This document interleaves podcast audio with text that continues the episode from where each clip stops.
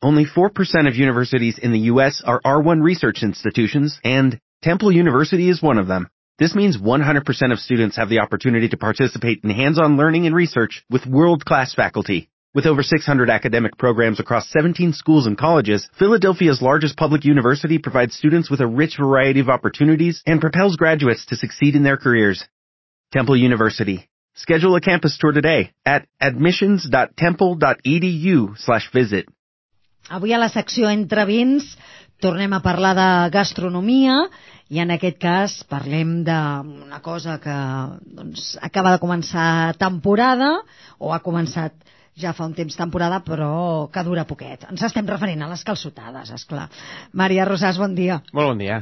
Això de les calçotades no se sap mai, eh, perquè depèn també de la, de la climatologia. Depèn bàsicament de la climatologia. De vegades comença abans o, o després cal que faci fred, i n'ha fred, això no ens podem queixar, sí. però últimament tot i que avui deies, quin vent fa el, el carrer. Últimament això del temps fluctua, per tant, si ve molta caloreta, eh, s'acabarà abans la temporada de calçots.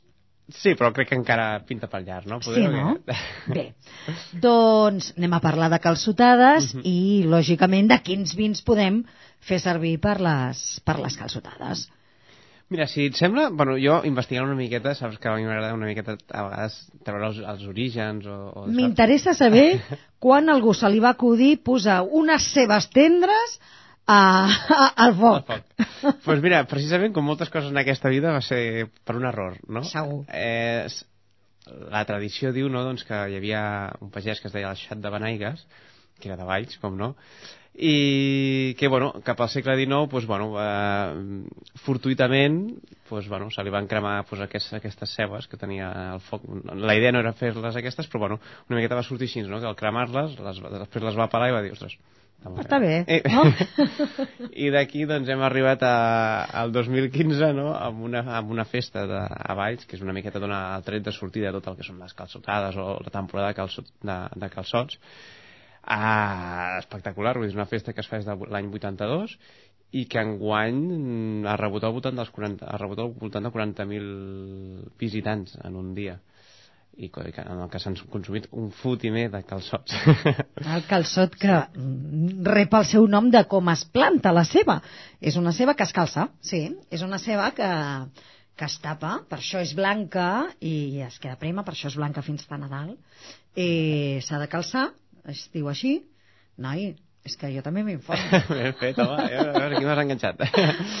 eh, doncs això es calça, per això es diu calçot. Eh, es tapa amb terra de forma que, doncs, si et fixes, en una ceba normal, uh -huh. tot i que sigui tendre, el tros blanc és més petit, petit sí. i en un calçot és una mica més gran. També és una varietat diferent o una varietat molt concreta, eh? Vale, vale. Perquè si tu tastes una ceba tendra crua i una ceba tendra, o sigui, un calçot cru, cru. Eh, tenen un punt diferent. Uh -huh. És a dir, és una varietat específica. Però vale. es diuen calçots perquè estan calçats. Molt bé, veus? Com si fos una pastanaga o un, o un espàrrec blanc. Uh -huh. mm? Estaven. Molt bé. Bueno, llavors aquí, bueno, tots, tots bueno, algú més que menys sempre hem tastat algun calçot sense la salsa, no? És realment és una miqueta més pues, insípid, podríem dir, doncs, que és una miqueta més... no, que tampoc no, no ens aporta tant de ple. De fet, com diu el meu fill, la gràcia d'això és la salsa, no? Ah, exacte, correcte. Perquè si no, no... I aquí venia, no?, perquè la gràcia no només de menjar-lo, sinó també del maridatge, ve molt condicionat per la, per la salsa. Uh -huh. La salsa... Ja, jo no sóc una, un xef a la cuina, o sigui, no sóc un expert aquí, jo... No, no. Ai, un cop de mà. Però, bueno, eh, pues sí que més o menys els, els ingredients doncs, que porta aquesta salsa són, són, són ingredients potentets, no? Pues, alls, ametlles torrades, pa torrat, oli, pebre vermell, l'anyora, que és un pebrot sec... Vull dir, aliments que de per si ja doncs, eh, són a, a nivell d'aromes i a nivell de textura en quant a boca són, són potents vull dir, són... i que per tant dona un resultat d'una salsa doncs, amb, amb molta personalitat no?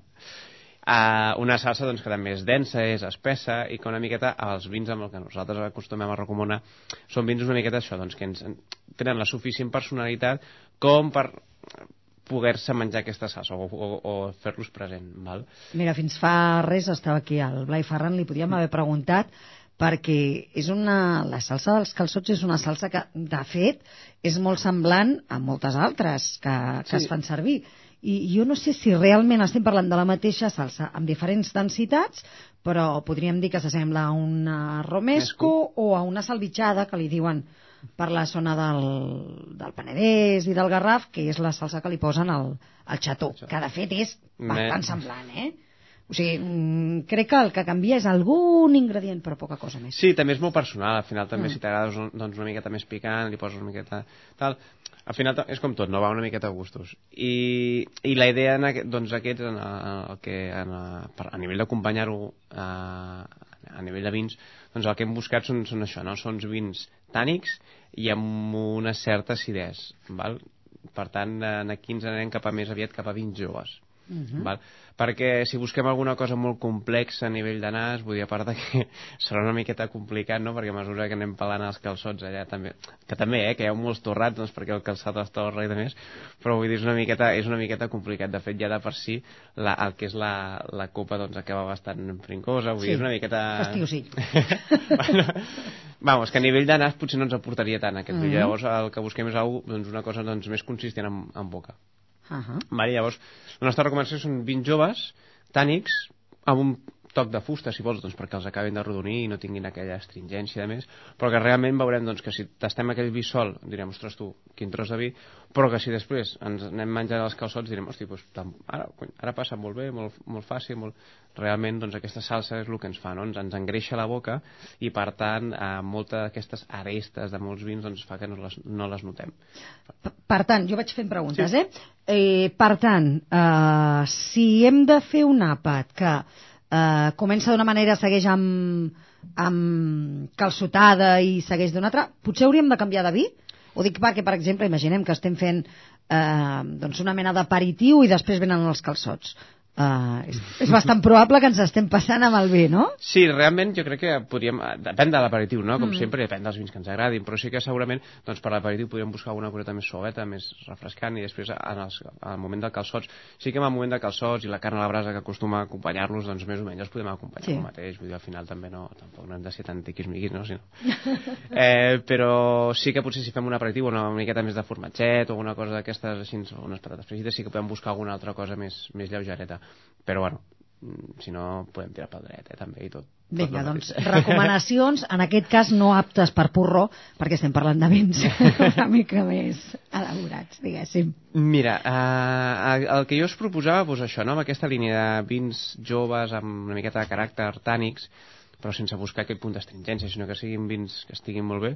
Eh, la majoria d'ells són catalans, val? Molts, molts dels que he portat o els, els que recomano són Montsants, eh, algun priorat, doncs una miqueta també per la proximitat, sempre no, doncs va bé això, doncs... eh, Que no, que no hi hagi molta, molt desplaçament, no?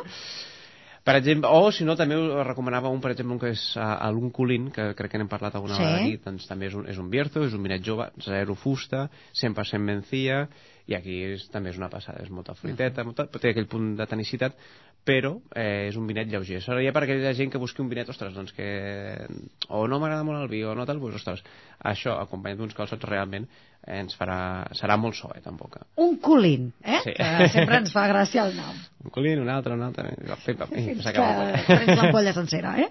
Això ho fan molt per allà, per allà Sí. Els del colín, que al final acaben tots, que dius, home, això no és d'un colín, eh?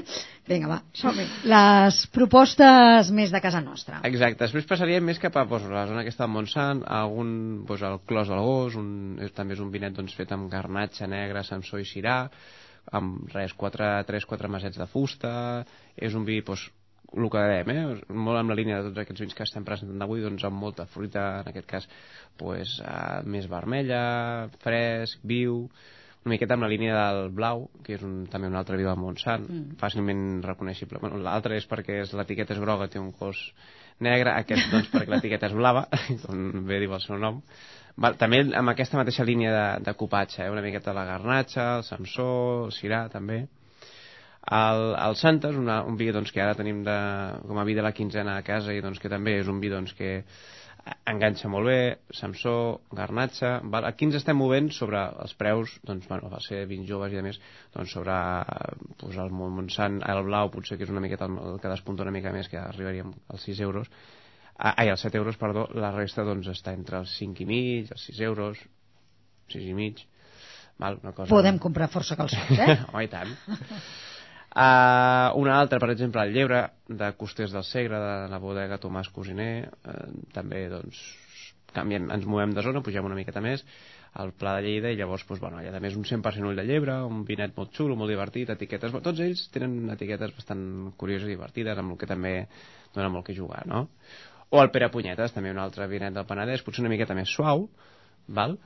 A més amb la línia d'un colín, poder, val? amb una miqueta el, el, el copatge també és a l'ull de llebre, el cabernet, merlot, i llavors uns altres, doncs, que nosaltres, òbviament, recomanem moltíssim, són la, la, el carinyana que tenim a casa, doncs que també el, amb el, la venda, que, bueno, de fet, mira, que cap de setmana està fent una, una calçotada i vaig portar un box d'aquestes aquestes caixetes i tal, i que, bueno, vam, tothom sí que va coincidir, no? doncs que és un, era, era un molt, bueno, molt, molt, molt fàcil, molt, molt fàcil d'aprendre, a temperatura ambient, com que fa frescota, doncs la veritat és que passa molt bé. I després el format aquest de Backing Box era molt còmode, perquè érem uns quants, érem uns 10, llavors ostres, te podies anar passant, amb un se li va caure, no va passar res. no. Com es diu això que estàs dient? Ah, és la, sí que ho hem comentat potser alguna vegada, és una caixeta, és la caixa de cartró mm -hmm. i doncs a dins va, una, la, va la bossa aquesta, uh -huh. doncs, que és uh, hermètica, mm, totalment higiènica i que per tant doncs, i que el vi, l'avantatge és que això del vi et, va, et, et perdura molt més, o sigui, és a dir, des d'un cop l'obres com que no entra oxigen dintre la bossa, et pot durar doncs, un mes, dos mesos, jo he tingut un parell de mesos perfectament el, el vi. I potser per una calçotada... És molt còmode. És molt còmode. Clar, perquè si no, per altres, per altres àpats, diguéssim que el format no és molt estètic. No sé, no l'he vist mai. No, bueno, és, una, és una caixa de res, és com un tetra, tetrabric de... Estan fets de cartró i que per tant són totalment ecològics i reutilitzables, però és un cartonet doncs, que cap al costat com a la, a la nevera, com si fos la, la, el de la llet, i, i bueno, eh, jo el recomano molt per, per barbacoes doncs per, o per prendre el vi del, del dia a dia. Uh -huh. També és un, és un format supercòmode per això, perquè realment jo estic a casa, ostres, és que si ara una ampolla... Uf, saps? Després què fas? La poses a la nevera? Uh, dura dos dies, si estàs... Da... Llavors, d'aquesta manera tens uh, el vi pràcticament en perfecte estat sempre. I quan costa aquest... Depèn, cosa sempre depèn... Ah, no, no, backing, bueno, backing box, ve de l'anglès. Box? Sí, sí. Vale. Això dins, és la bossa dins una capsa. Bueno, és molt, és molt simple el nom, no? Però... Eh, sí, bueno... Eh, americans.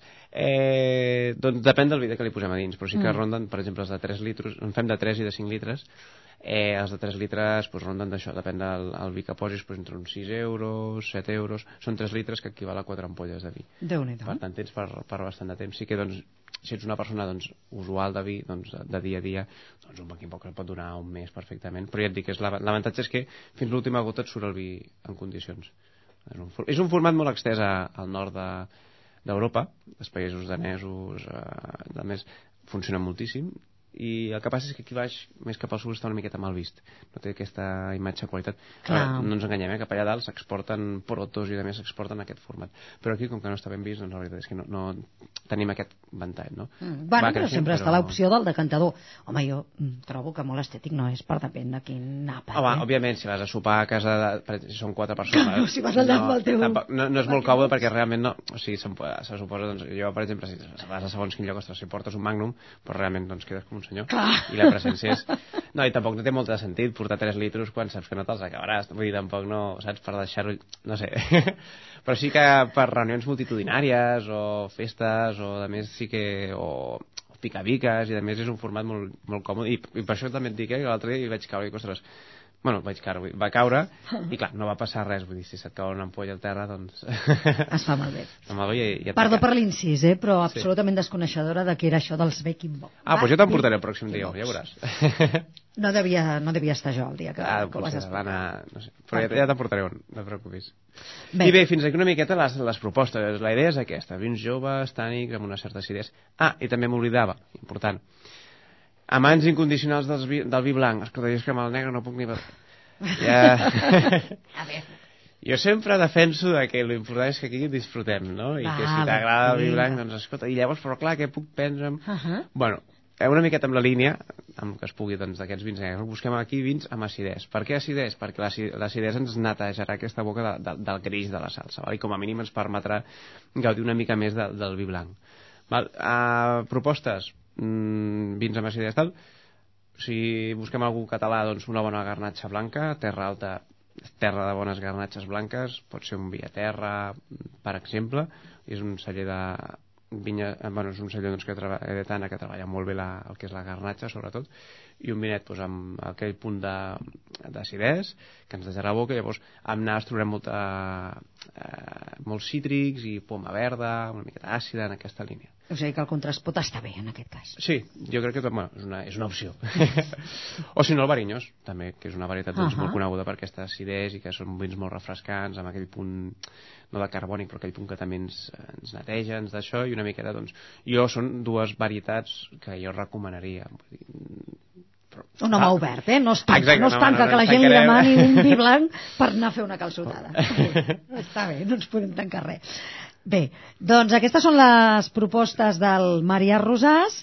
Havíem deixat una pregunta a l'aire que era què és un vi abocat? Uh, podrien ser quatre opcions. Quina és la correcta? Bé, la resposta correcta, bé, hi havia quatre opcions, si sec, era sec, àcid. dolç, alcohòlic... Uh, L'opció correcta era la B, que és, estem parlant d'un vi dolç. D'un vi dolç. Un vi abocat, Fa el Robert Fernández, sí, sí, sí, sí, sí. definitivament. Bé, doncs eh, no hi han hagut molts, molts encertants. No. Tres. És que, Tres bons, eh? Bueno, ja ho vas dir tu que complicaves una mica l'assumpte. Sí, home, no, perquè no podia ser. doncs vinga, aquí tenim els tres encertants. Aviam qui s'emporta el premi. Aquí, ara, tic, tic. Doncs mira, és la Yolanda Alonso García. Doncs la Yolanda Alonso, que ha encertat i sabia que era un vi dolç, que s'emporta la Yolanda. Doncs em donava un vinet del Montsant, eh, aquesta vegada. Uh mhm. -huh. Per fer les calçotades. Per fer les calçotades.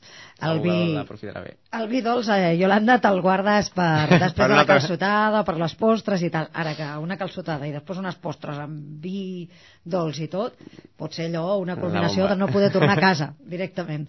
Bé, uh, llancem la pregunta d'aquesta sí. quinzena, va. Uh, la, el proper programa intentarem parlar a veure si, si podem de, del Penedès val? Ja, ja vam deixar, doncs, ja fa un parell de dies, bueno, un parell de programes, vam preguntar doncs, quina era la veritat insígnia, estrella, reina del Penedès, vam veure que era la Xarelo.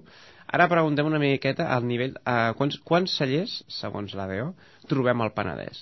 Val? Una miqueta també per ja començar a fer números de, de tamanys i de, i de productors i elaboradors. Com vas per la carretera a tot arreu, de, de cellers i de, i de vinyes per això fem, intentem aproximar-nos una mica més i veiem doncs, quina és la magnitud doncs, d'aquesta doncs, denominació d'origen. Pel que tenim molt a prop i que val la pena visitar. A opció, com sempre quatre opcions. L'opció A serien 68 cellers l'opció B serien 89 l'opció C serien 103 cellers i l'opció D serien 152 cellers. Déu-n'hi-do. Val?